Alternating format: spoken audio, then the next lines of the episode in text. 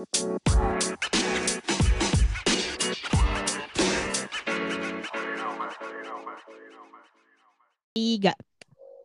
Oke, okay, hello everyone and welcome welcome back to our podcast. Um, jadi akhirnya Raifa balik lagi setelah seminggu, seminggu yang lalu sempet sakit.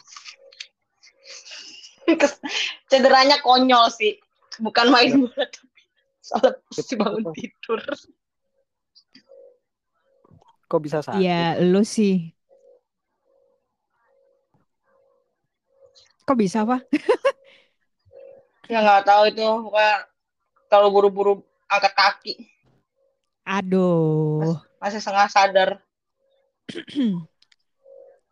aduh, aduh, aduh, aduh. Um, oke. Okay.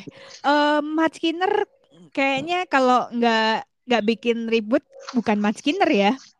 Jadi yang pertama adalah um, dia nge bilang tuh kenapa sih um, drawingnya Inggris di di kualifikasi Champions League berat-berat padahal kita tuh lebih baik daripada tim-tim tim-tim di bawahnya gitu kan. padahal sih nggak juga sih. Ya itu salah mereka juga sih sebenarnya. Padahal mentalnya itu yang jelek. Benar. Asli. Asli, tiap Champions League atau level Eropa pasti rongkat. Bahkan ya, yang paling gampang, yang paling simple adalah Man City sam tiap kali um, udah format baru ketemunya Real Madrid kan. Udah dua kali kayak lo lagi lo, lo lagi lo lagi, aduh lo lagi lo lagi, aduh um, sampai bosen. Dan sampai akhirnya mereka mengalah. bahkan yang ketemu Madrid. Bahkan City yang di atas kertas lebih bagus daripada Real Madrid ya. Kalah itu kalahnya gara-gara mantan pemain sendiri lagi. Iya. nah ini yang harus diperhatiin sama MU kan. Kalau nggak mau terjembat dalam hal yang sama dengan Arsenal, jangan sampai loh. Jangan sampai, jangan sampai. Um, terus apalagi ya um, Dumlan Matskinner. Oh, gue baru inget. Um, jadi dia dia menyamakan Champions League dengan NWSL, padahal itu jelas beda sih. Aneh, ini benar deh. Ih, Orlando tuh kenapa sih ada aja lawaknya? Padahal jelas beda. Ih. Ya beda lah NWSL sama Champions League. Champions League mah tingkat Eropa. Kalau NWSL ya tingkat Amerika doang.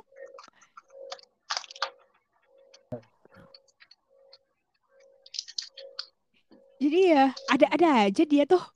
Terus yang paling baru adalah cara berkomen dia soal Iren Guerrero tuh mirip sama apa yang dia katakan soal Borisa. Borisa tuh kan yang dikritik kan um, fisikalnya kan? Uh. kalau yang Ire kalau Iren Guerrero ini adalah dia bilang kita ngajarin kita mencoba ngajarin dia um, defensive skillnya yang lo perluin buat main di WSL ada-ada aja. Wong dia jelas-jelas defensive midfielder.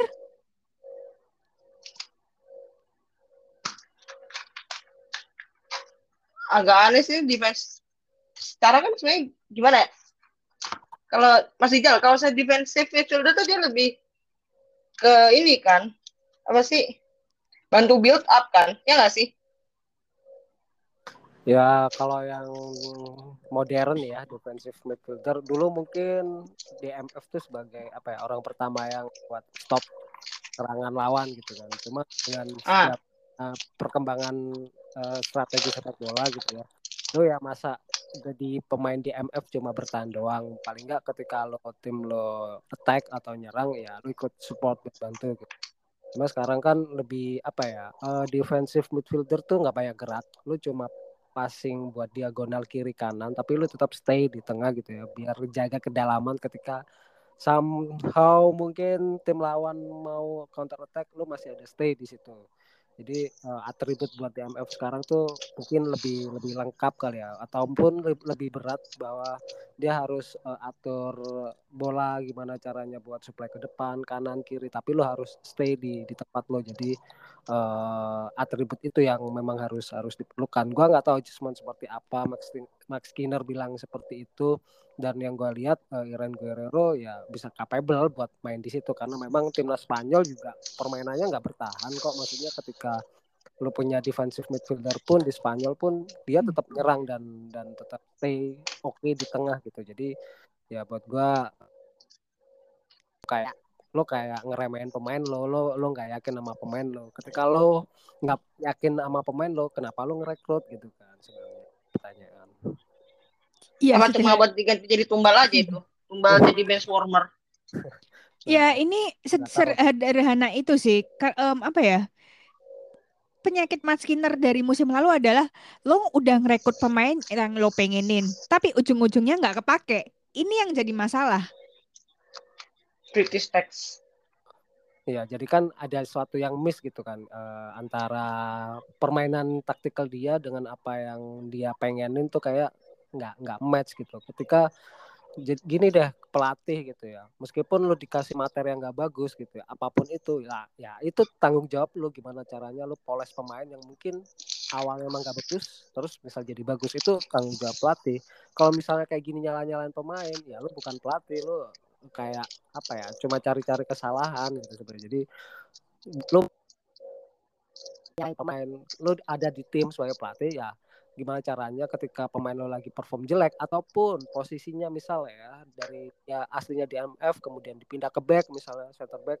Nah itu baru pelatih tuh uh, kayak ngeracik strategi lo nggak cocok nih di sisi ini gue pindah ini tapi works bisa berjalan dengan baik. Itu sebagai pelatih bukan kayak nyala nyalain lo harus kayak gini kayak gini kemudian uh, lo defensifnya kurang terus gimana gimana ya, ya itu bukan pelatih dong Iya, maunya kayak memuaskan diri sendiri ya jadinya ya. Iya. nah, itu, itu, itu, itu, itu, itu. Ah lah. Oke. Okay.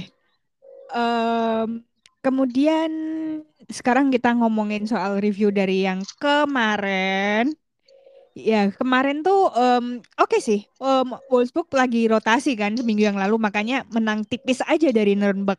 Karena kan abis itu kan Champions League tapi yang gue highlight adalah debutnya Nuria Rabano yang starting line up buat si Ijo Royo Royo itu. Ijo Royo Royo. Ya, lumayan sih. Ya lumayan sih sebenarnya. Nuremberg sebenarnya ada kemajuan sih di sisi defense-nya. Kemarin kan dua pertandingan terakhir kan bener-bener dibantai banget kan itu. Ya. ya. Ya paling nggak masuknya Nuria Rabano jadi warna baru lah di, di back sayapnya si Wolfsburg itu. Bahwa uh, pemain ini sebenarnya buat gua pemain ini kualitas bagus cuma tahu apa di mana di Barcelona kurang kepake karena memang di situ ada switch posisi di mana Fridolina Rolfo harus ditaruh di situ gitu. Ya, uh, meskipun Fridolina Rolfo misalnya nggak main sayap ataupun dipindah ke sisi depan misal lo taruh Nuria Rabuano tuh sebenarnya udah udah works bisa aja berjalan gitu ya dan Barcelona. Cuma atau kenapa nggak dipakai akhirnya uh, uh, sekarang ke Wolfsburg dan Wolfsburg butuh itu sebenarnya butuh sebenarnya. Iya apalagi kan kita, kita tahu um, sisi pertahanannya Wolfsburg tuh kan jelek banget. Yes. Nah ini iya. ini yang akan kita bahas pas um, review Champions League nanti Kemudian um, MU lawan Arsenal kemarin tuh acur sih jujur. Parah itu sih gara-gara Arsenal sendiri. Sebel banget gue. Apa tuh? Si D'Angelo nggak tahu kenapa malah kesurupan Sisberger. Ya, um, gimana ya? Mungkin uh, tapi memang sih blundernya D'Angelo tuh kalau gue lihat nggak perlu sih. Itu emang gimana sih blundernya tuh dia? giveaway kah atau? dia menggiveaway kayaknya giveaway bola ke Lea Galton dan pokoknya bolanya tuh mendaratnya justru ke Lea Galton yang kacau. Yang gol pertama itu. Udah Sisberger kendi lagi. Ya itu um, well well well. Tapi um, yang positifnya adalah striker yang direkrut sama kedua klub ini sama-sama cetak gol sih Melvin Malat satu shot satu gol. Terus kemudian golnya Chloe Lakasa tuh gila sih yang di injury time itu. Itu saya makanya dia udah belajar duluan deh cara membobol Mary Earps. Nggak keadaan ini sih gampang sebenarnya. Iya, eh, mungkin em, sem- apa kayak live hacks yang beberapa pemain nggak terlalu ngeh ya. Gimana caranya buat ngebobol gawang Mari Epps? Ya udah kasih aja chip Kalau nggak tip, wordy. atau enggak atau arahin ke arahin ke pojok asli. atau enggak kayak Olga Carmona itu sebenarnya tipis, nggak tinggi bolanya itu. Tapi ya susah aja buat si Mari Epps itu ke waktu final Piala Dunia. Ya, kebanyakan makan ini kali ya, good time choco chips jadi bolanya chip terus ya Mas. Woi. Oke, kemudian Eintracht Frank- Frankfurt akhirnya yang meraih kemenangan pertama ya setelah dua kali kalah terus. Yang satu kalah bahkan sempat ketinggalan 0-1 lawan si RB Leipzig ini. Ya Allah, untung masih bisa comeback. Ya, bener-bener di comeback sih itu. Si RB Leipzig. Cuman ya em, emang ada peningkatan sih. Tapi tuh yang jadi masalah di Eintracht tuh cuma satu sih. Em, mentalnya kadang dikit-dikit rungkat. Padahal lotepnya not bad loh. Sayang aja sih. Padahal line up-nya Apa sebenarnya tidak termotivasi dan kema- kejayaan di masa lampau? tapi padahal line up-nya itu ya sejujurnya ya walaupun transfer dia nggak banyak tuh tapi ya masih acceptable kalau kata gua.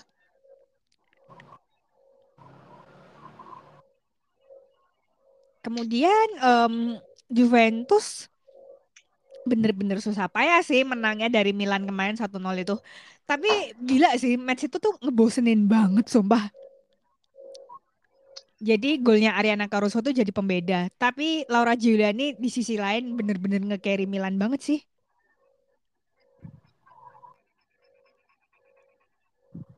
Em, kemudian Udah kayak fandom Selarga tuh, mengcarry. Ya, em, ya Laura Giuliani kembali ke sedikit-sedikit kembali ke masa peaknya dulu lah. Tapi kayak pas Piala Dunia 2019 itu kan gila itu kan sebenarnya oke sih.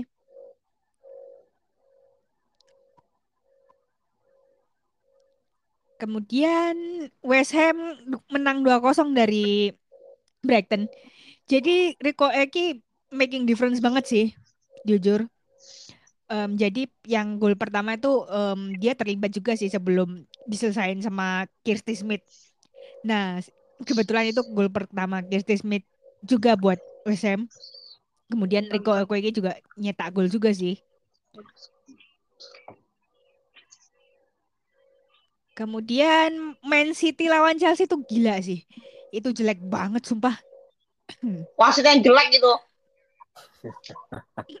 Wasitnya dibayar berapa sih sama si Buhli?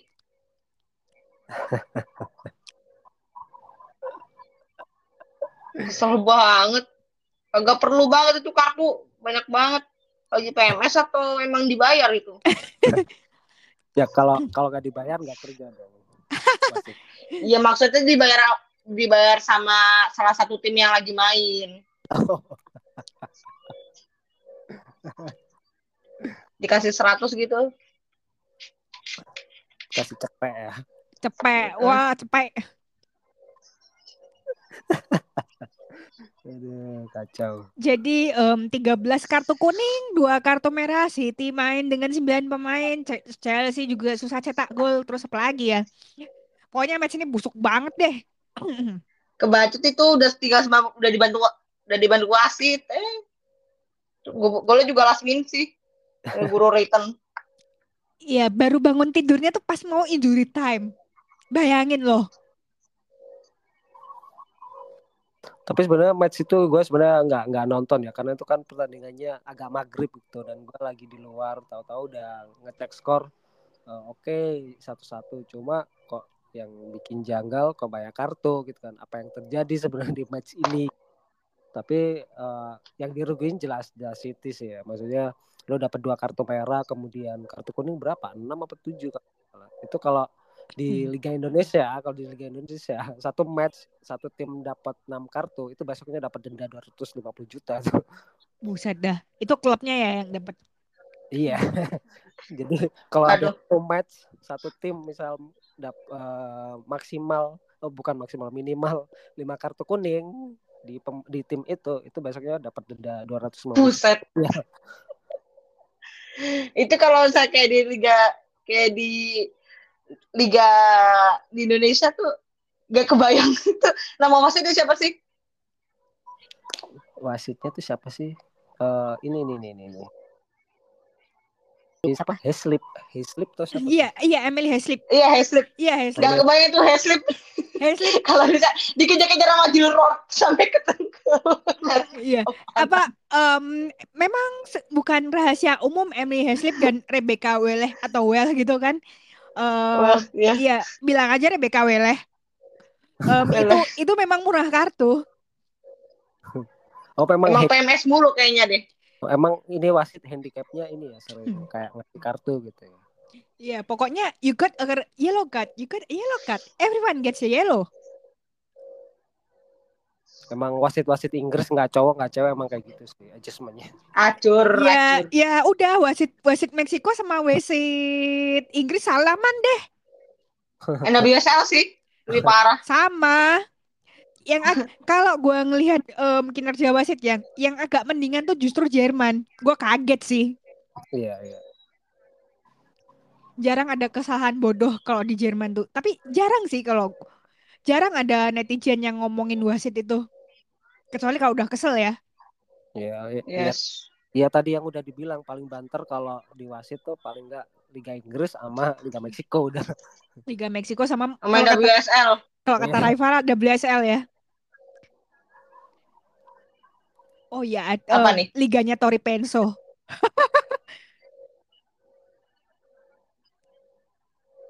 Oh iya, Lori Penso masih di US. Lupa yang gue. Iya. Oke, em, selain itu em, Kiara Kitting still the show. Dia masih muda tap, dan Yes. banyak yang nggak tak banyak yang meragukan dia tapi dia bener-bener kemarin tuh mainnya bagus banget sih. Bikin Chelsea dua kali nabrak ti- tiang gawang dua kali kayaknya tendangannya itu. Kemudian Alana Kennedy tumben. Ya mentang-mentang si Alex Greenwood di send off duluan. Kan di panik itu. Waduh ini gak ada yang ngegendong gua nih. Iyalah. Tapi golnya bukan giveaway dia kan, golnya si Guro. No, itu kan emang murni set pieces kan? Oh, set pieces. Tak Dari- kira dari- dia Dari giveaway dari lagi. corner kalau nggak salah itu. Bukan bukan giveaway-nya Kayak jatah lagi. giveaway dia lagi dikasih ke De Angelo deh. Makanya De Angelo kayak gitu kemarin. Hmm. Oke. Ini gimana gua nggak di unblock unblock ya? Aduh, aduh, aduh, aduh, aduh, unblock, unblock, aduh. Udah nggak usah nggak usah berekspek tinggi gitu ya. Kalau ya, ya udah terjadi ya udah gitu. Nggak usah. Udahlah. Tapi bentar deh, soal kartu merahnya Greenwood ya. Itu time wastingnya gimana sih? Kok agak aneh aja gitu. Sekitar 16 detik atau berapa sih ada yang bilang kemarin tuh? 20-an? Boh. Ya, ada ada yang nyampe 20 yang kalau nggak kalau nggak salah yang kedua itu em, 20 detik kalau nggak ya, nggak salah ya. Heeh. Maksudnya dia dua dap dapat dua kartu kuning itu ketika satu gerakan gitu doang gitu. Maksudnya kelemparan ke dalam doang gitu. Apa gimana? Ap- Apa emang Em, sebelumnya udah dapat kartu kuning? Si si Tuk eh, free kick yang kartu kuning kedua itu. Jadi em, jadi dia dapat kartu kuning kedua tuh gara-gara time wasting setelah 26 detik sebelum free kick. Aneh. 26 detik sebelum free kick. Maksudnya pas itu gara-gara kena gara-garanya tuh kenapa tuh maksudnya? Mu- buang waktu aja dia bingung mau ngarahin ke mana kan? Oh, maksudnya eh, Oh, City dapat free kick kemudian si Greenwood mau ambil nih terus ke apa ya? Apa namanya? Dia mik- Ulur-ulur waktu gitu ya. Iya dia ngulur waktu dia mungkin mikirnya kayak agak lama gitu ya. kayak aduh ini gue mau kasih ke siapa Tapi sebelumnya dia dia udah dapat ini eh, kartu kuning. dia sudah dapat Yes. kartu kuning. Oh, oke oke. dengan reason yang sama kah Iya dengan Nielsen yang sama. Gue lupa yang kartu kuning pertama itu butuh berapa detik. Tapi kalau yang kedua tuh sekitar 22 sampai 26 detik. Kalau yang kartu kuning pertama itu case-nya kenapa? Memang free kick juga atau ngulur-ngulur waktunya karena kenapa? Em, yang pertama itu kayaknya pas throw in gue lupa sih. Oh, terawih. Gue gak lupa-lupa inget. Itu tapi em, bonkers sih. Ya, kalau kalau dilihat dari LOTG gitu ya, law of the game-nya atau rules-nya sepak bola bahwa memang ketika lo dapat bola mati gitu ya, maksudnya entah itu set pieces, corner ataupun lemparan ke dalam, itu memang peraturannya nggak boleh lebih dari 6 detik aja tuh udah maksimal banget. Ketika lo lebih dari 10 detik, ya konsekuensi lo lo dapat peringatan. Terus ketika lo dapat peringatan, kemudian kok lo masih ngolor-ngolor lagi, ya udah lo dapat yellow card dan kalau gua kan nggak lihat ya case-nya seperti apa pertandingannya. Cuma dari penjelasan yang tadi udah dijelasin ya menurut gua fine fair gitu. Maksudnya lo dapat kartu kuning karena memang ngulur waktu hampir mungkin 16 detik 20 detik ya konsekuensinya ya itu yang lo dapat lo dapat kartu kuning dan itu ya wajar. Bahkan kayak Emma Hayes itu em, reaksinya agak nyindir sih. Dia Kayak- bilang Dia kayak em, makanya pemain gua gua train supaya disiplin gitu loh. Kayak gak ngulur-ngulur waktu gitulah mungkin. Udah maksud Hmm. dia itu. oke oke Dia kayak nyindir tapi Ah, asli asli kocak aja sih. Eh lu menang aja kagak. I prefer not to speak Iya Iya. maksudnya lu udah dibantu wasit dengan banyak di kartu kuning terus di secara permainan lu nggak bisa ngalahin tim gua gitu mungkin ya MAS ya. Iya, em, dia dia nganu sih. Em, ya ini baru pertandingan kedua tapi gua nggak ngerti kenapa match kayak gini ditaruhnya pas di awal-awal. Tapi balik lagi soal wasit ya sebenarnya ini sebenarnya agak bukan janggal maksudnya agak aneh aja case-nya ketika satu pertandingan lu lebih kayak ngasih lebih dari enam kartu kuning atau tujuh kartu kuning sebenarnya match ini harus diinvestigasi sebenarnya sama FA-nya Inggris ya. Ini sebenarnya ada apa sih? Apakah terjadi error dengan wasit gitu ya? Kalaupun terjadi error, lo harus evaluasi dan lo kasih sanksi. Misal lo kasih eh, suspend mungkin dua, dua atau tiga pertandingan. Kalau misal terjadi error ya terhadap wasitnya. Tapi so far sampai saat ini belum ada berita ya bahwa wasit tersebut diinvestigasi atau diperiksa atau gimana kan belum ada, Belum ada, belum ada ya. belum ada. Oke. Kemudian walaupun menang 2-0 dari Essen tapi harus dibayar mahal banget sih buat Bayern. Karena Bayern begitu abis gol pertamanya Penela Harder, dia langsung ditarik keluar karena ternyata dia ngalamin cedera MCL di lutut kanan. aduh nangis Terus tuh indikasinya kan em, beberapa minggu kan, tapi beberapa minggu itu bisa diartiin sebulan atau dua bulan. Kalian jangan senyum-senyum dulu kan gitu. nggak bisa senyum sih dari dari pas dia katanya itu kan awalnya nggak nggak enak feelingnya kayak nggak nggak nyaman di ankle-nya kan malah kalau yang kena malah lutut enggak kalau di Pernil itu em, memang clashing sama kipernya pas kena di lutut gitu. oh tapi katanya kemarin pas yang abis di gol tuh ankle-nya Gue tapi mem- tapi bukan ankle banget sih, lebih ke lutut kanan. Jadi dia Aduh. ngerasa nggak nyaman gitu setelah gol itu. Kalau yang ankle itu kan case-nya si Sidney Lohman kan? oh iya Lohman Iya, betul. ini ngomongin ankle jadi keinget saya cedera konyol Ayo, ayo, ayo. Lohman tapi lama nggak Biasanya kalau ankle sama ligamen minimal satu satu bulan sih paling cepat. Aduh. Tapi kalau case modelannya Sidney Lohman, biasanya absen segitu tuh lama sih dia. ah nggak sih Lohman Ini sudah terjadi musim lalu. masa kayak dia baru sembuh nggak sih Iya, dia sedikit-sedikit setelah musim setelah baru sembuh tuh kadang ada aja. Iya, cuma case-nya ini kan agak berat ya lo kehilangan Pernil Hadar gitu ya maksudnya pemain yang lo baru rekrut kemudian ada ekspektasi baru bahwa gua ngesain uh, pemain top gitu ya top player gitu cuma sekarang dapat cedera gitu cuma bukan gua bersyukur enggak cuma ini aja sih uh, di situ nanti bakal yang gantiin siapa di posisi situ gitu kan. Uh, terus gua lihat di situ memang ada satu orang yang cocok mungkin ya. Ketika lu kehilangan Sidney Lemon kemudian Penela Hadar yang mungkin uh, dia build up dari tengah gitu ya. Dan Penela Hadar kan ini memang posisinya memang agak agak ini ya udah agak berubah gitu ketika kita kenal Penela Hadar adalah striker yang oke okay, gitu. Cuma beberapa tahun di Chelsea dia mainnya agak ke belakang di belakang striker murni gitu ya. Bahkan di Munchen pun uh, sama dia main di belakang striker. Strikernya kan dia pakai si Suler kan. Dan gua harapannya sih dengan Harder cedera ini arah saya kelar kan pemain iya iya betul betul gua harap dia dia dapat dapat ini sih dapat menit bermain bisa Pernil Harder semoga aja performnya bagus dan dia dipilih buat main di starting ganti iya. Harder Iya, tapi kalau ngelihat alas rasa Hitler waktu preseason tuh termasuk oke okay sih ya. Atau enggak ser mungkin Jill Bayings ya? Iya, iya, iya. Jill Bayings ini kan termasuk kenyang pengalaman di Bundesliga karena kan dia mengawali karir di Jerman itu kan bareng Essen kan. Habis itu ditransfer ke Leverkusen baru ke Bayern. Ya, cuma kalau gua ngelihatnya case-nya Jill Bayings, dia tuh bukan tipe pemain yang ada di belakang striker gitu. Maksudnya dia yang kayak lebih ngatur bola dulu di tengah, kemudian supply bola ke depan.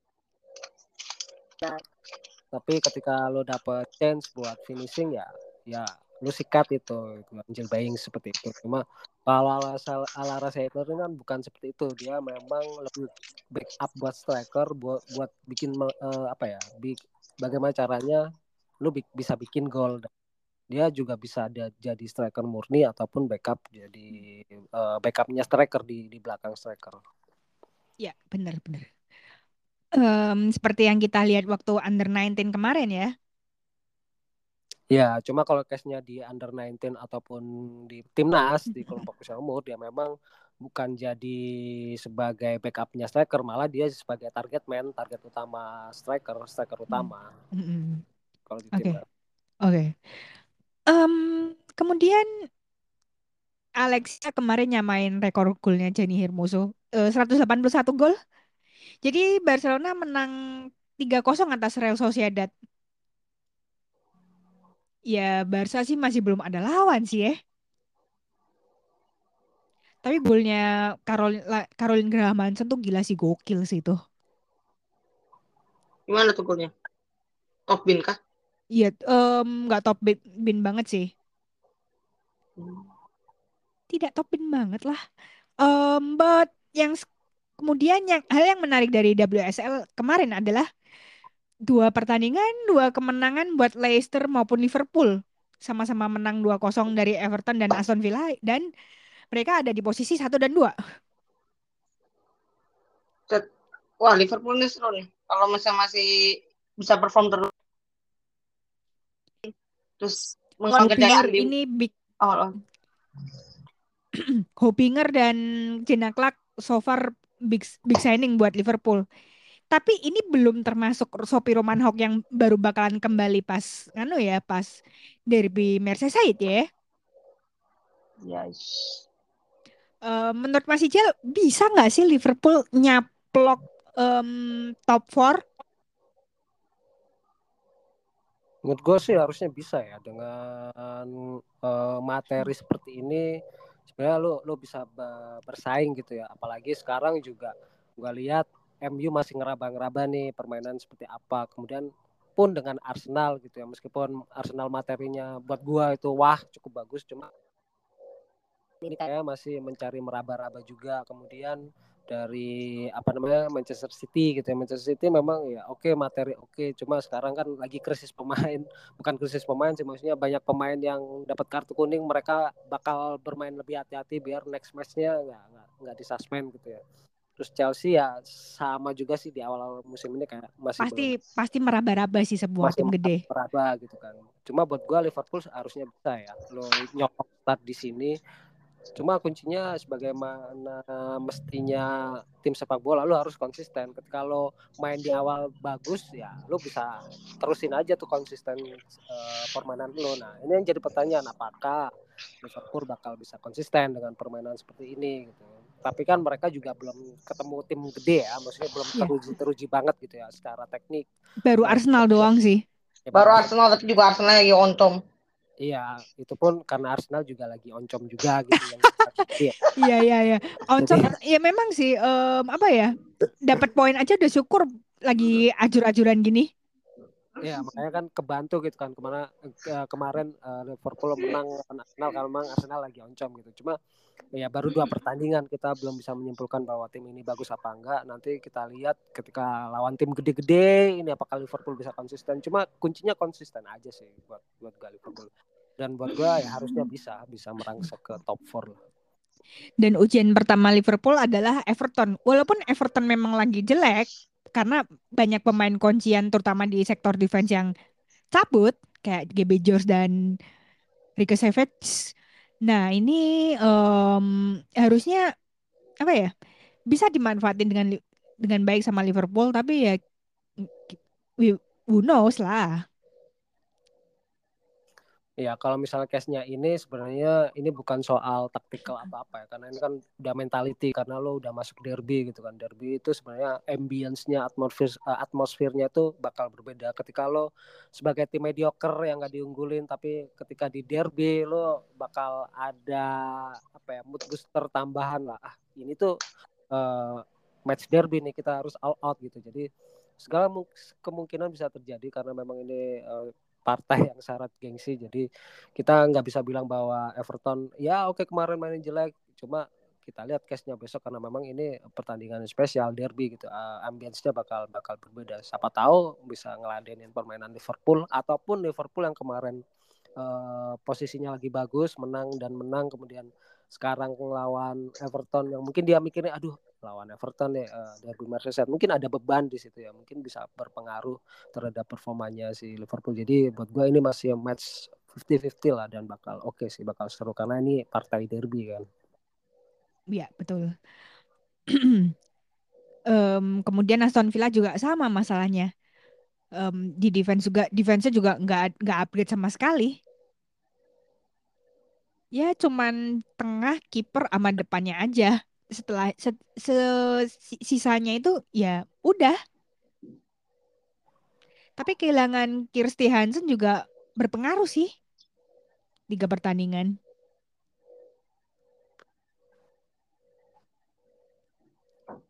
Kemudian Hoffenheim kemarin menyelamatkan diri dari kekalahan. Dia mereka sempat tertinggal 2-0 dari Leverkusen pada 65 menit pertama. Kemudian 15 menit jelang bubaran mereka langsung ngejar apalagi dengan masuknya Mara Albert dan um, Vanessa Dim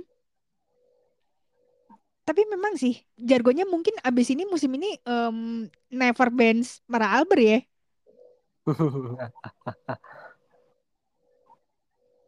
Ya, yang udah pernah gue bilang kemarin-kemarin ya, ini salah satu pemain yang spesial gitu ya di di mana uh, apa namanya di kelompok level umur dia gitu ya. Ketika dia baru umur 19 sekarang, tapi dia mainnya tuh wise banget, maksudnya bijaksana banget sebagai pemain gitu. Jadi di seumuran dia bermain seperti itu sebenarnya udah udah emes sih, maksudnya lo kayak udah pemain matang sebenarnya. Jadi buat gue sih ini pemain nggak nggak terlalu surprise karena memang gua udah ngikutin pemain ini udah udah lama si Mara Albert. Jadi mungkin dua tiga tahun dia bakal jadi pemain bagus. Jadi ya kita lihat lah prosesnya seperti apa. Semoga dia tetap uh, apa ya jadi starting terus di apa namanya di Hoffenheim. Betul betul. Um, sekarang kita beralih ke tapi ini ini update ya sekarang kan Hoffenheim main lawan apa tuh Aduh. lawan Nuremberg um, lagi unggul satu kosong. Iya, lagi unggul satu kosong. Um, well, Nuremberg ini struggling sih, tapi ya wajar lah namanya juga tim baru ya. Iya, unggul satu kosong dan Mara Albert starting lagi. Ini kan jadi Iya. Satu. akhirnya starting lagi dan seperti yang sudah diteriakin kemarin ya jangan pernah ngeband Mara Albert Mara Albert lagi on form gitu Oh. kemudian golnya itu dicetak sama Jill Johnson em, saat episode ini diturunkan Iya. Jill Johnson ini salah juga salah satu bakat terbaiknya Belgia sih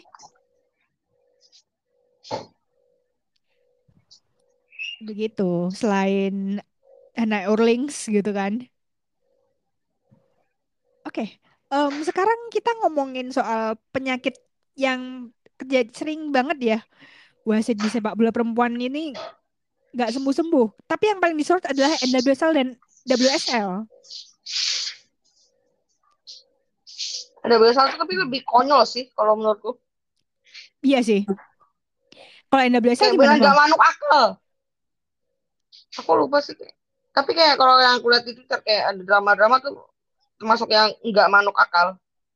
Tapi kalau tapi kalau em, di NWSL itu jatuhnya tuh operatornya anti kritik. Ah iya bener. Pernah itu yang speak up emaknya emaknya Charlie eh kena denda. Iya, em, si Alex Morgan kemarin speak up kena denda sampai di dibelain sama Nadia Nadim itu si Alex Morgan. Aduh. Salah satunya ya, kan gue nggak terlalu merhatiin tapi gue begitu ngelihat timeline di Women's Putih itu ketemu tweetnya si itu Nadia Nadim. Aneh, ya, kita mau kasih masukan ke wasit, mau kritik, eh malah dapat denda. Iya, iya, iya, iya, betul, betul. Em, kita mungkin sedikit advance lagi ya soal case-nya Alex Greenwood. Kartu kuningnya itu kan em, wasting time 17 sampai 26 detik. Jill Roth juga kena kartu kuning gara-gara mempertanyakan wasit. Em, ini kenapa sih kalau di aturannya itu em, hmm, kenapa kayak ada kartu kuning kar- buat wasting time tuh gimana ya, Bang? Banyak yang tanya kan? Ini kenapa sih cuman gara-gara wasting time kena kartu gitu kan? Banyak yang protes. Even badmit, even komentator BBC kemarin Farah Williams.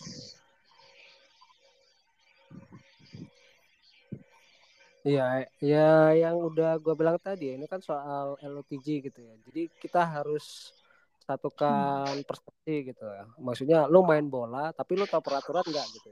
Jangan-jangan lu main bola nggak tahu peraturan gitu. Jadi setiap eh, yang gue tahu ya, eh, aturan sepak bola itu kan diatur sama IFAB ya, IFAB. Dia itu yang bikin peraturan untuk sepak bola. Dia ada badan sendiri gitu ya. Eh, dia nggak nggak nggak terafiliasi sama FIFA, cuma FIFA memang bekerja di IFAB biar mana pun dia yang bikin LTG untuk sepak bola. Setahu gua gitu ya, setahu gua ya.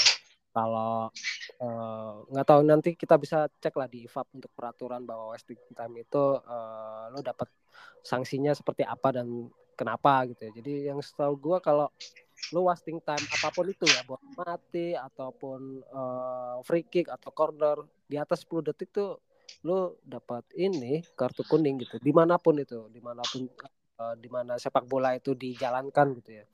Dan kemudian gua nggak tahu kalau case nya si Jill Roth apakah dia protes terlalu keras hingga sampai mungkin dari pihak wasit tersebut bahwa oh lo protes terlalu keras nih kalau misalnya udah terlalu keras misal ngomong kotor terhadap wasit pun lo sanksinya ya dapat kartu kuning. Tapi kalau gua nggak tahu case nya Jill Roth kenapa di kartu kuning mungkin dia berbicara agak keras atau mungkin bicara kotor gitu ya atau maki-maki wasit ya ya itu fair lo lo dapat kartu kuning. Tapi balik lagi ke Alex Greenwood ya ketika lo wasting time di atas 10 detik lah lo udah dapat kartu kuning. Even misal kiper nih goal kick goal kick misal lo telat 6 detik 7 detik itu lo bakal pasti di kartu sama, sama wasit gitu. Jadi itu hal yang memang wajar ketika lo ngulur-ngulur waktu dan apa ya eh, sepak bola itu dalam setiap detik atau setiap menitnya kan berharga banget gitu. Nggak jadi waktunya itu tetap berjalan nggak mati nggak kayak futsal atau basket. Ketika pertandingan berhenti menit atau waktu bakal berhenti dan lu dapat eh, kompensasi waktu eh, ketika lu wasting time gitu. Tapi kan sepak bola kan ketika tim yang melakukan wasting time itu bakal tim lawan bakal dirugiin gitu. Jadi eh, hal-hal tersebut sebenarnya bisa diminimalisir ya karena lu kayak wasting time itu kalau memang terlalu apa namanya terlalu lama ya hukumannya memang di kartu kuning. Dan itu menurut gue ya menurut gue tuh wajar gitu. Jadi untuk hal yang kemarin banyak orang protes ini kenapa sih kok banyak kartu kuning? ataupun kenapa sih wasting time kayak gitu uh, kayak kartu kuning? Ya lu balik deh uh, buka uh, IFAB gitu ya, soal LTG jangan-jangan jangan-jangan nih ya. Kita sebagai pemain bola cuma main bola doang nendang gol dan sebagainya tapi lu nggak tahu peraturan ya sama aja gimana gitu. Um, bahkan event sekelas badminton ya. Iya, ngomong kayak gitu ya ya mungkin dia mungkin kesel kali ya kesel uh, dalam artian gue juga pemain sepak bola tapi kok uh, ini peraturannya seperti ini gitu. Cuma case-case seperti ini kan cuma ada di Inggris atau dan cuma di Inggris kayak ya karena memang nggak cuma sepak bola ceweknya gitu sepak bola cowoknya di Liga Premier League Inggris itu adjustment soal peraturan wasit itu memang berbeda dari negara-negara Eropa lain kayak misal Jerman, Italia, Spanyol dan lain sebagainya gitu. Jadi gua nggak nggak nggak heran gitu ya ketika banyak wasit Inggris yang dalam tanda kutip bermasalah dengan uh, peraturan LTG itu memang case-nya memang udah lama kasusnya gitu. Jadi banyak pembahasan di kalangan sepak bola Eropa gitu ya. Wasit Inggris kok adjustment soal peraturan uh, apa namanya wasitnya kok beda ya sama negara-negara lain. Mereka punya ini sendiri punya apa ya kayak bukan peraturan tertulis maksudnya punya independensi tersendiri soal peraturan gimana caranya peraturan sepak bola tersebut bisa ditegakkan. Itu cuma terjadi di Inggris gitu. Jadi yeah. gua gua kayak kok Inggris gini banget ya? Ketika memang misalnya VAR gitu ya harusnya itu di VAR gitu ya. Tapi wasit Inggris kadang nih ah itu mah kejadian biasa nggak usah di VAR gitu. Padahal itu memang harusnya uh, untuk secara peraturan itu harus case lain. Ketika pertandingan di case itu tuh harusnya nggak di VAR ya ini biasa sih eh, eh, apa namanya insiden biasa gitu. Tapi tahu-tahu wasitnya ngasih VAR gitu. Terus ini tuh peraturan yang bakunya seperti apa gitu. Nah ini nah itu yang yang yang susah di wasit-wasit Inggris adjustment dia tuh berbeda banget negara-negara. Hmm kurang lebih begitu ya. Ya ya jadi kayak misal Liga Inggris uh, bukan Liga hanya Liga Italia itu memang firm uh, apa ya peraturannya tuh ngikut apa yang dikatakan FIFA sama UEFA gitu. Beda dengan Inggris.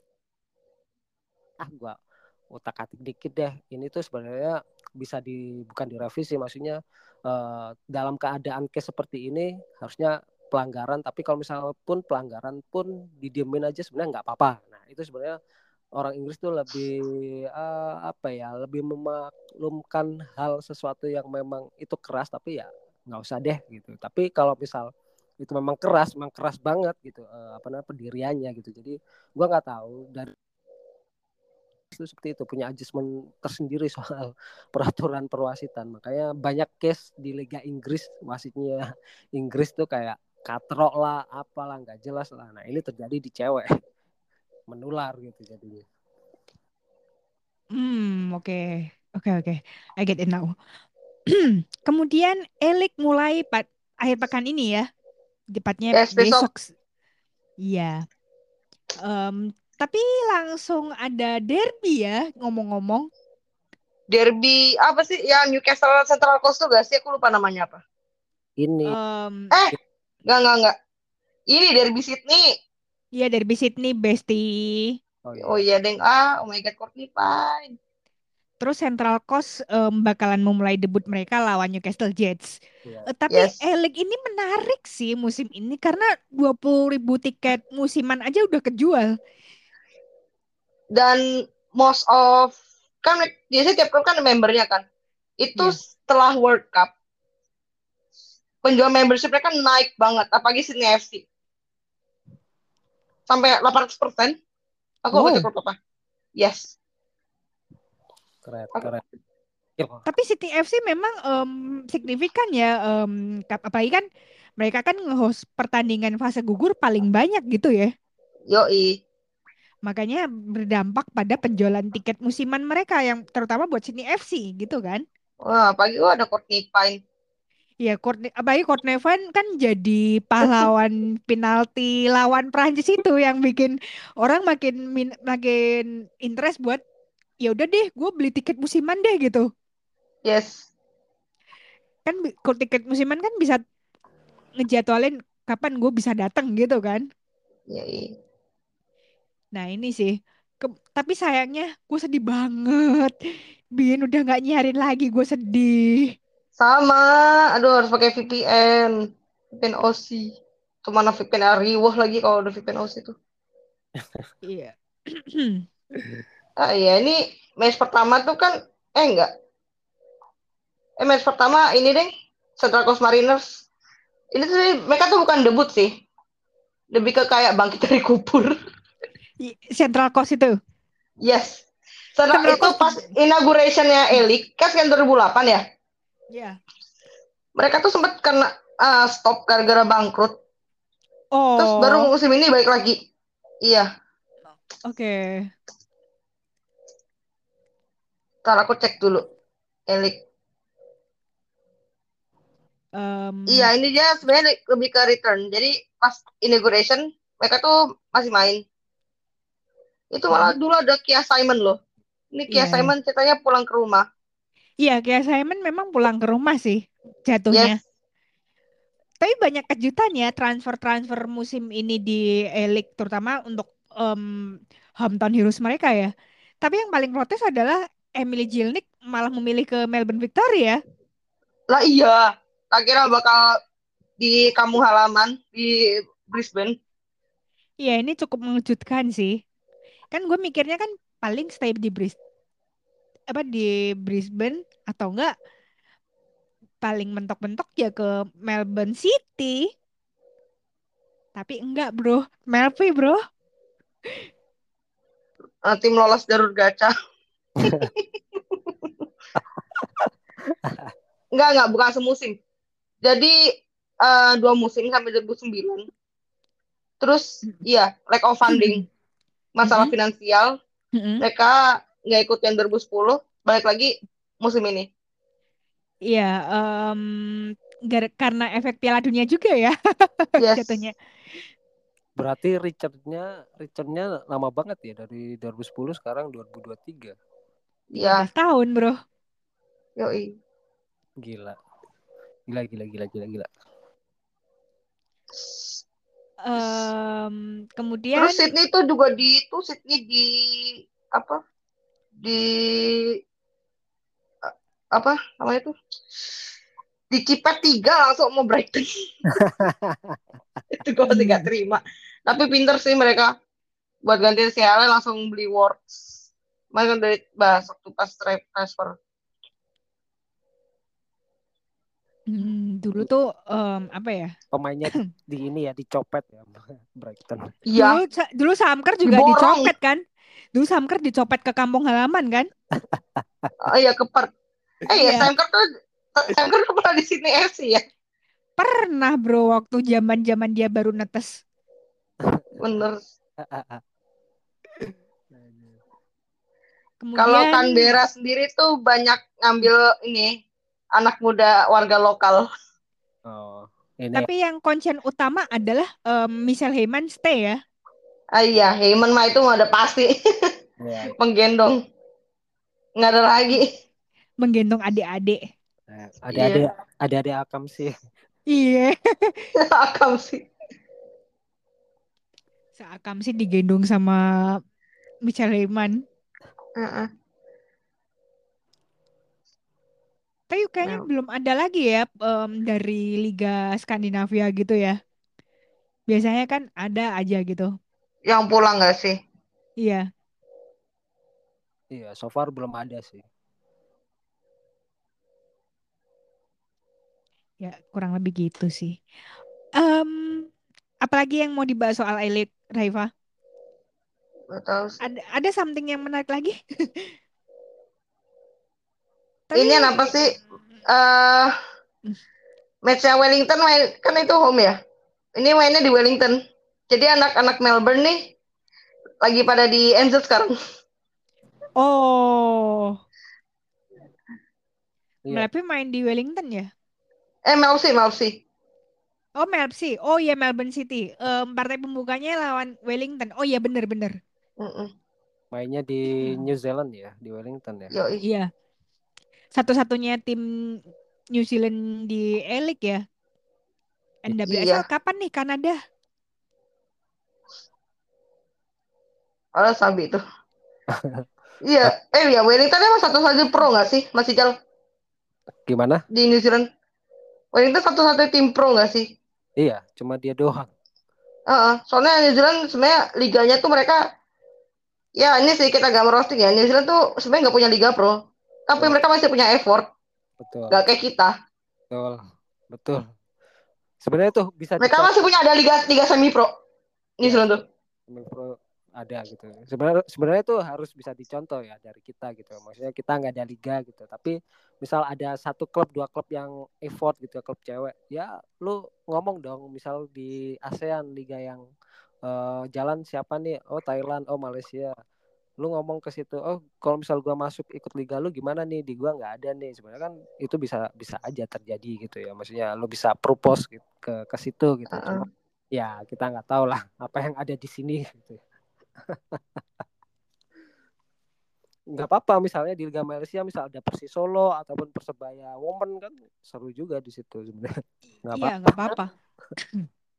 ataupun di Singapura gitu ya misal ada Persija Putri kan ya nggak apa-apa juga yang penting pemainnya bisa main dapat Ini agak mepet, pemain ya. itu yang penting sebenarnya Ini agak oke tapi se- masih tetanggaan lah. iya Mm, betul Mainan roasting.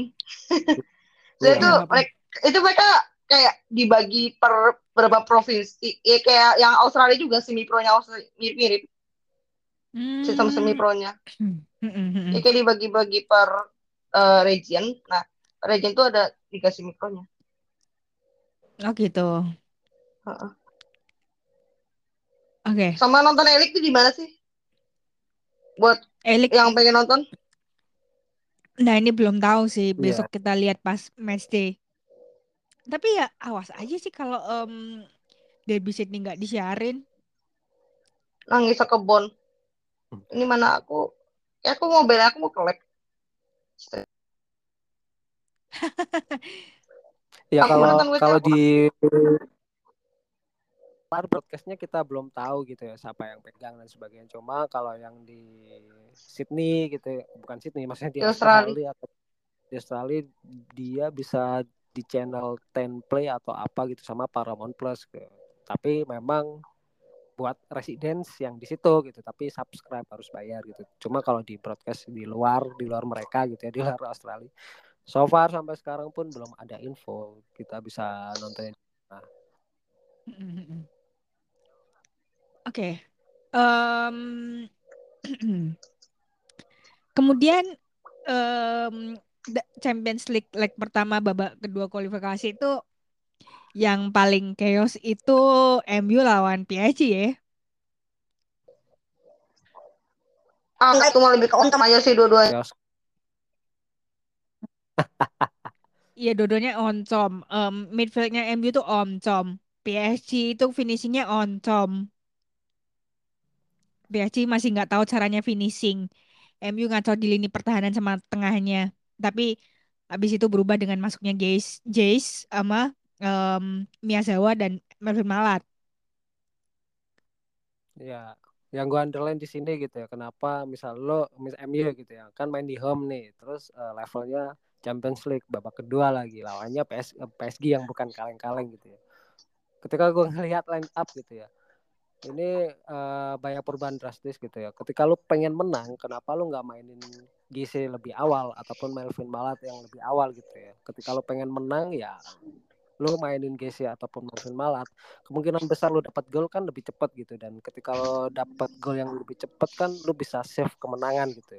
Tapi di sini yang gue lihat kenapa Lucia Garcia lu jadiin target man gitu di depan. Kemudian eh Katie Zelem di dia pekan pakai double pivot ya di dueting sama si Lisa Nelson. So far Lisa Nelson nggak eh, apa namanya main bagus nggak nggak yang gimana gimana gitu ya. Maksudnya dia main bagus bisa bisa ngimbangin Zelem gitu.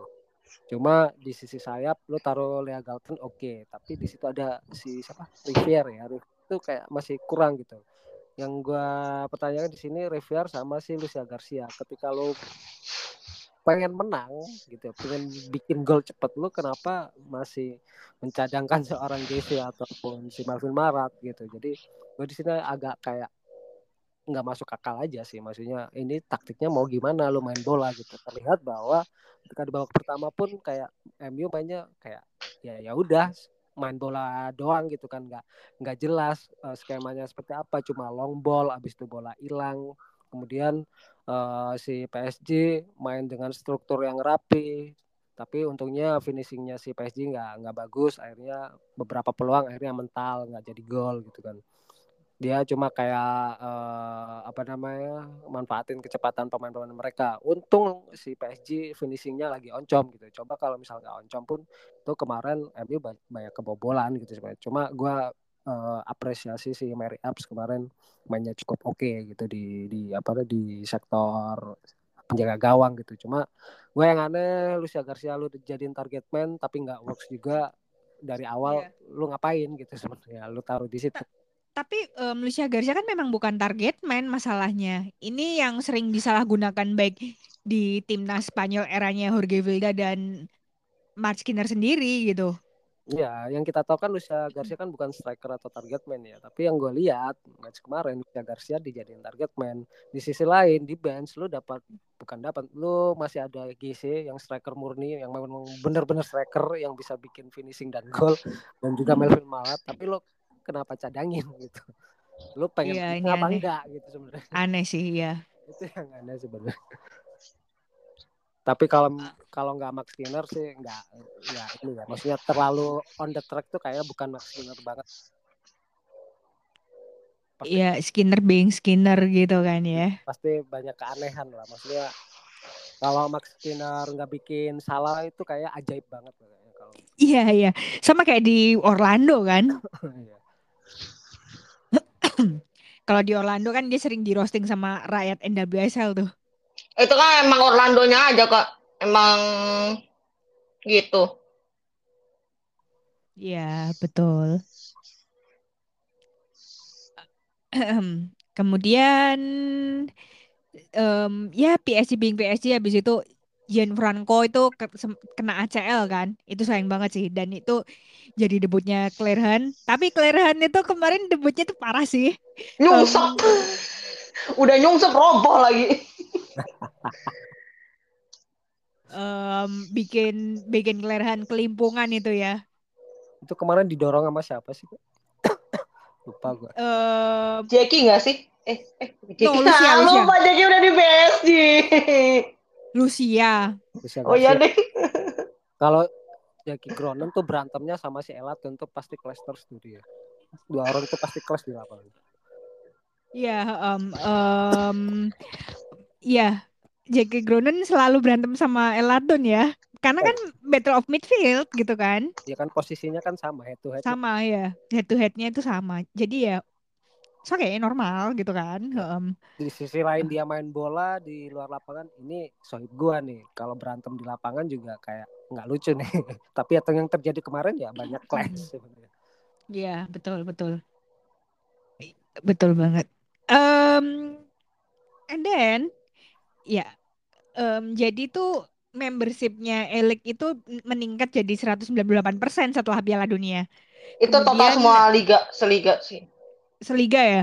Uh, kemudian dua puluh dua ribu tuh di, di antaranya anak under 16 tahun. Jadi banyak banget anak-anak yang minat nonton Elik ya gitu kan. Tapi memang um, Elik tuh kebanyakan nyasarnya anak-anak ya. Iya emang youth player. Makanya tak bilang tadi kan Bera banyaknya ingin bocah-bocah warlock. Iya, um, memuliakan warlock. Mungkin misinya si misinya direktornya Canberra United Canberra sih nggak cuma Canberra ya kayaknya semua tim di Australia tuh emang gitu emang gitu gitu ya. Maksudnya anak-anak usia muda 16 tuh uh, gimana caranya mereka dikasih akses untuk bisa nonton lebih gampang terus dikasih change gitu ya. Karena memang banyak klub yang di Australia itu banyak bekerja sama sama sekolah-sekolah. Siapa tahu mm sekolah tersebut punya pemain yang potensial akhirnya bisa di trial atau misalnya bisa dicoba di tim gitu. Jadi ini ini sangat bagus. Makanya kenapa jadi nggak heran banyak anak muda yang nonton karena memang ya banyak kebanyakan hampir semua ya klub yang di Australia itu bekerja sama sama sekolah gitu. Siapa tahu misal uh, gue punya temen nih bagus. Terus uh, misalnya klub tersebut kayak kerja sama sama sekolah kita gitu kan. Terus teman kita main di klub itu. Kita kan kita ngeliat oh temen gue di di klub profesional loh umur segitu bisa nonton ini kita bareng-bareng yuk datang ke stadion untuk support teman kita kan itu itu bagus sebenarnya Iya. mm-mm. Oke, em, balik lagi ke Champions League. Jadi Wolfsburg kemarin tuh gila, komedi banget defense-nya. Aduh. Ah tuh parah sih. Walaupun tadi katanya sih menang ya di liga. Itu kayak aku nggak ngerti. Kayak, mereka tuh mainnya niat gak sih? Niat ke grup stage gak sih? Apa mau Iya, kayak Arsenal? Ya sebenarnya menyasar ke situ ya em, Tommy Stroud itu. Apalagi di center back-nya kan. Center back udah Odet. Katie, Katie Henry bukan center back. Aduh, Masih aja. Gak ada Merle From lagi. Merle From malah em, tubuhan. nangis. Ya ya. Alex Pop untungnya bener-bener bisa nge-carry remahan Wolfsburg ini ya di leg pertama versus Paris FC. Paris FC tuh please bahaya, Cuk. Diem, sebenarnya diem menghanyutkan sih. Mereka kan terus Iya. jago sebelum ke salib PSG. Pas masuk namanya Iya. masih Juvisi. Iya, betul. Betul. Memang pesaing terberatnya PSG sih. Paris FC Sama itu. Paris. Dia sesama tata ibu kota. Gitu loh. Kemudian em, Eintracht Frankfurt bener-bener dominan sih. Abis rungkat di dua pertandingan awal liga baru menang kemarin yang pas lawan RB Leipzig gitu. Kemudian Laura Fregang cetak hat-trick ya. Langsung tancap ke Bojokulo. Bojokulo Bojokulo aduh. Kemudian Kakek Bojo. Sen kemudian Sen Sen Polton juga banyak tim-tim unggulan pada pada itu pada, pada mm, dominan semua kecuali em Rosengard yang menang tipis Madrid juga. ya Re- itu. Real Madrid itu aduh hancur deh Nggak ada aware langsung. Lagian beli pemain Iya. kok dikit banget. ya ya pelit beli pemain tapi however em Twente punya kans buat em, lolos ke Liga Champion karena em, leg kedua itu kan mainnya di kandang mereka kan. Jadi mereka punya peluang. Walaupun lawan Haken pasti sebenarnya satu level sih sebenarnya. Tipis-tipis mereka tuh. Eh, ya Em, kemudian kira-kira seberapa gede sih baik eh, leg kedua antara PSG lawan MU nanti bang Ya sebenarnya dua tim ini tuh punya chance gitu ya. Balik lagi yang udah gua ulas kemarin ketika preview gitu ya. Ini seberapa serius adjustment Hmm. soal pelatih gitu ya. Balik lagi soal eh, MU ini kan bukan soal materi pemainnya bagus apa enggak gitu. Ketika banyak pemain bagus pun pelatihnya kayak bingung. Gua main seperti apa sih? Bahkan pemainnya udah materi bagus, nentuin skema yang works yang bisa jalan pun dia nggak bisa gitu. Jadi balik lagi ke soal pelatih gimana caranya dia mau serius buat lolos. Kuncinya ada di situ gitu. Yang gua lihat ya dari Manchester United balik lagi ke soal pelatih. Kalau buat soal pemain sih gua eh, nggak ada masalah kayak gimana gimana gimana. Karena memang pemain udah lumayan oke dan juga cukup works ketika di apa namanya di Liga Inggris mainnya cukup oke gitu. Bahkan kayak kemarin lawan PSG di apa namanya di first leg itu dia bisa oke lah main gitu. Cuma kan di situ ada per, bukan pergantian misalnya ada perubahan skema taktik atau pemain yang dipasang siapa gitu kan. Buat gua kalau misalnya lo pengen lolos lo lo mainin JC atau Melvin Malat lebih awal. Lo bisa save kemenangan di situ. Karena dua pemain ini bisa jadi garansi bisa apa ya garansi bikin gol cepet atau bisa bikin gol banyak. Dan ketika lo dapat gol atau dapat chance bikin gol ya lu bisa save kemenangan sebenarnya jadi balik lagi ke adjustment pelatih buat gua kalau MU mau menang GC dan Melvin Malat lu jadiin starting line up itu garansi buat kemenangan sih kalau misal Iya. dia- nggak nggak nggak ngedengerin nggak ngedengerin kita nih si pelatih MU ya wah salam aja Gue- Kemudian kayaknya em Elaton sementara istirahat dulu deh, biarkan Miyazawa main. Miyazawa begitu masuk tuh bagus sih. Iya Eh, kalau kelihatan sih dari pas di timnas kemarin. Iya, Iya betul. Ngeri. Miyazawa, Ueki itu buat bikin banyak impact buat klub mereka masing-masing di WSL. ya meskipun kita ngomong kayak gini gitu ya maksudnya uh, Miyazawa oke okay, lebih bagus untuk bisa dimainin dan banyak lebih impact balik lagi gitu kan kita bukan pelatihnya pelatih pelatihnya kan yang si aneh itu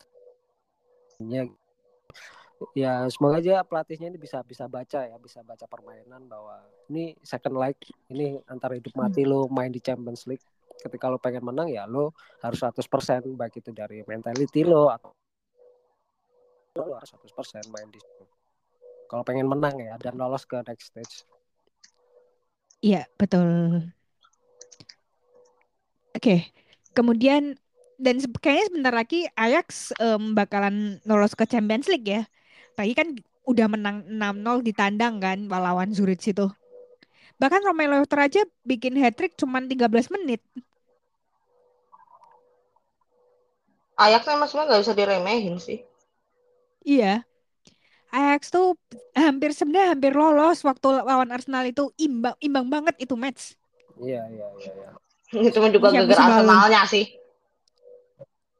Iya. Tapi pada akhirnya um, Belanda kemungkinan bakal punya wakil lagi ya gitu kan. Eh akhirnya punya wakil di group stage ya. First time. Um, um, jadi Ajax memastikan diri untuk jatah untuk Belanda gitu loh. Kemudian yang lain mah udah udahlah. Kalau Eskabran mungkin udah juga udah safe ya lawan kemarin pas lawan Glasgow City. Mm -mm. Iya, kalau ngelihat case-nya Ajax sebenarnya dia udah punya chance di musim kemarin ya ketika bisa dalam tanda kutip nyulitin Arsenal tapi ya so far ya nggak lolos gitu ya. Uh, yeah. Secara materi pemain mereka bagus cukup tough gitu dan yang gue mes ketika lo kehilangan uh, si siapa kipernya kemarin, aduh kipernya Ajax tuh. Lise Kop. Iya, Lise Kop. Lise Kop uh, banyak cedera terus uh, eh, Sekop kan ke Leicester. Iya ke, ke Leicester kan. Ditinggal yeah. ditinggal sama Sekop dia punya kiper bagus lagi gitu. Jadi kayak di Ajax tuh kalau untuk masalah kiper kayak nggak nggak terlalu nggak terlalu ini ya nggak terlalu urgent banget. Karena ketika satu keluar lu dapat pemain yang bagus. Dan mungkin yang gue lihat hampir mungkin 8 eh, bukan 8 ini pemainnya usia di bawah 24 tahun gitu hmm. Nordam, Chelsea Tigren, Quentin Sabayo, si Rosa Van Gol, Romelu Luther, Tini Hoekstra dan kipernya si siapa Regina Van Eyck. Jadi ini semuanya pemain-pemain muda dan hampir semua pemain ini tuh main di Belanda U20 gitu. Jadi hmm.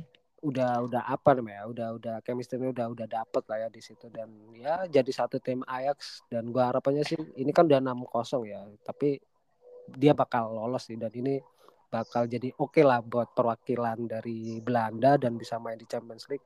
Sebenarnya gue gua ini sih, maksudnya gue pengen nonton kalau misalnya ambience atau vibesnya si Ajax main di Champions League itu seperti apa. Karena dari segi permainan, dari pemainnya pun itu keren banget. Udah tapi mainnya bagus. ya. Kemudian um, Liverpool lawan Everton. Nah ini mainnya di Anfield kan? Kemudian seberapa gede sih Liverpool peluang berapa um, peluang Liverpool buat tiga tiga? Artinya tiga pertandingan tiga kemenangan gitu loh. Lagian Everton kan juga lagi hancur kan belakangan ini. Ya yang tadi udah gue bilang sebenarnya itu permain uh, pertandingan ini tuh sebenarnya fifty fifty terus kemudian handicapnya si Liverpool kemarin menang gitu ya. Cuma kan ini matchnya kan derby gengsinya sangat tinggi gitu ambience-nya pun atmosfernya pun bakal berbeda gitu. Ketika lo sebagai tim underdog tapi lo main di derby semuanya pasti main nothing tulus nothing tulus dong. Maksudnya gua main kayak gini bisa menang aja udah oke okay. ataupun lo punya motivasi tinggi ah ini derby nih gue bisa menangin ini dari pihak sisi Evertonnya. Ataupun bisa under pressure mungkin di Liverpool yang kemarin trennya bagus kemudian ngelawan Everton kayak kayak apa namanya tertekan gue bisa nerusin tren positif ini apa enggak gitu apalagi pertandingan derby gitu ya jadi ini buat gue masih 50-50 meskipun Everton kemarin uh, performnya agak bagus tapi ini masih masih kemungkinan masih dua tim ini kemungkinan bisa menang masih ada oke okay. um, well, um, udah habis sih. Begitu sih untuk episode ke-84. Akhirnya ya, um, Elik Ya. akhirnya juga main juga. Um, Tapi parah sih nonton The Overseas susah banget masa VPN malah bayar lagi. Kita kita harapkan ada masuk lah. Waduh. Waduh. Kok waduh.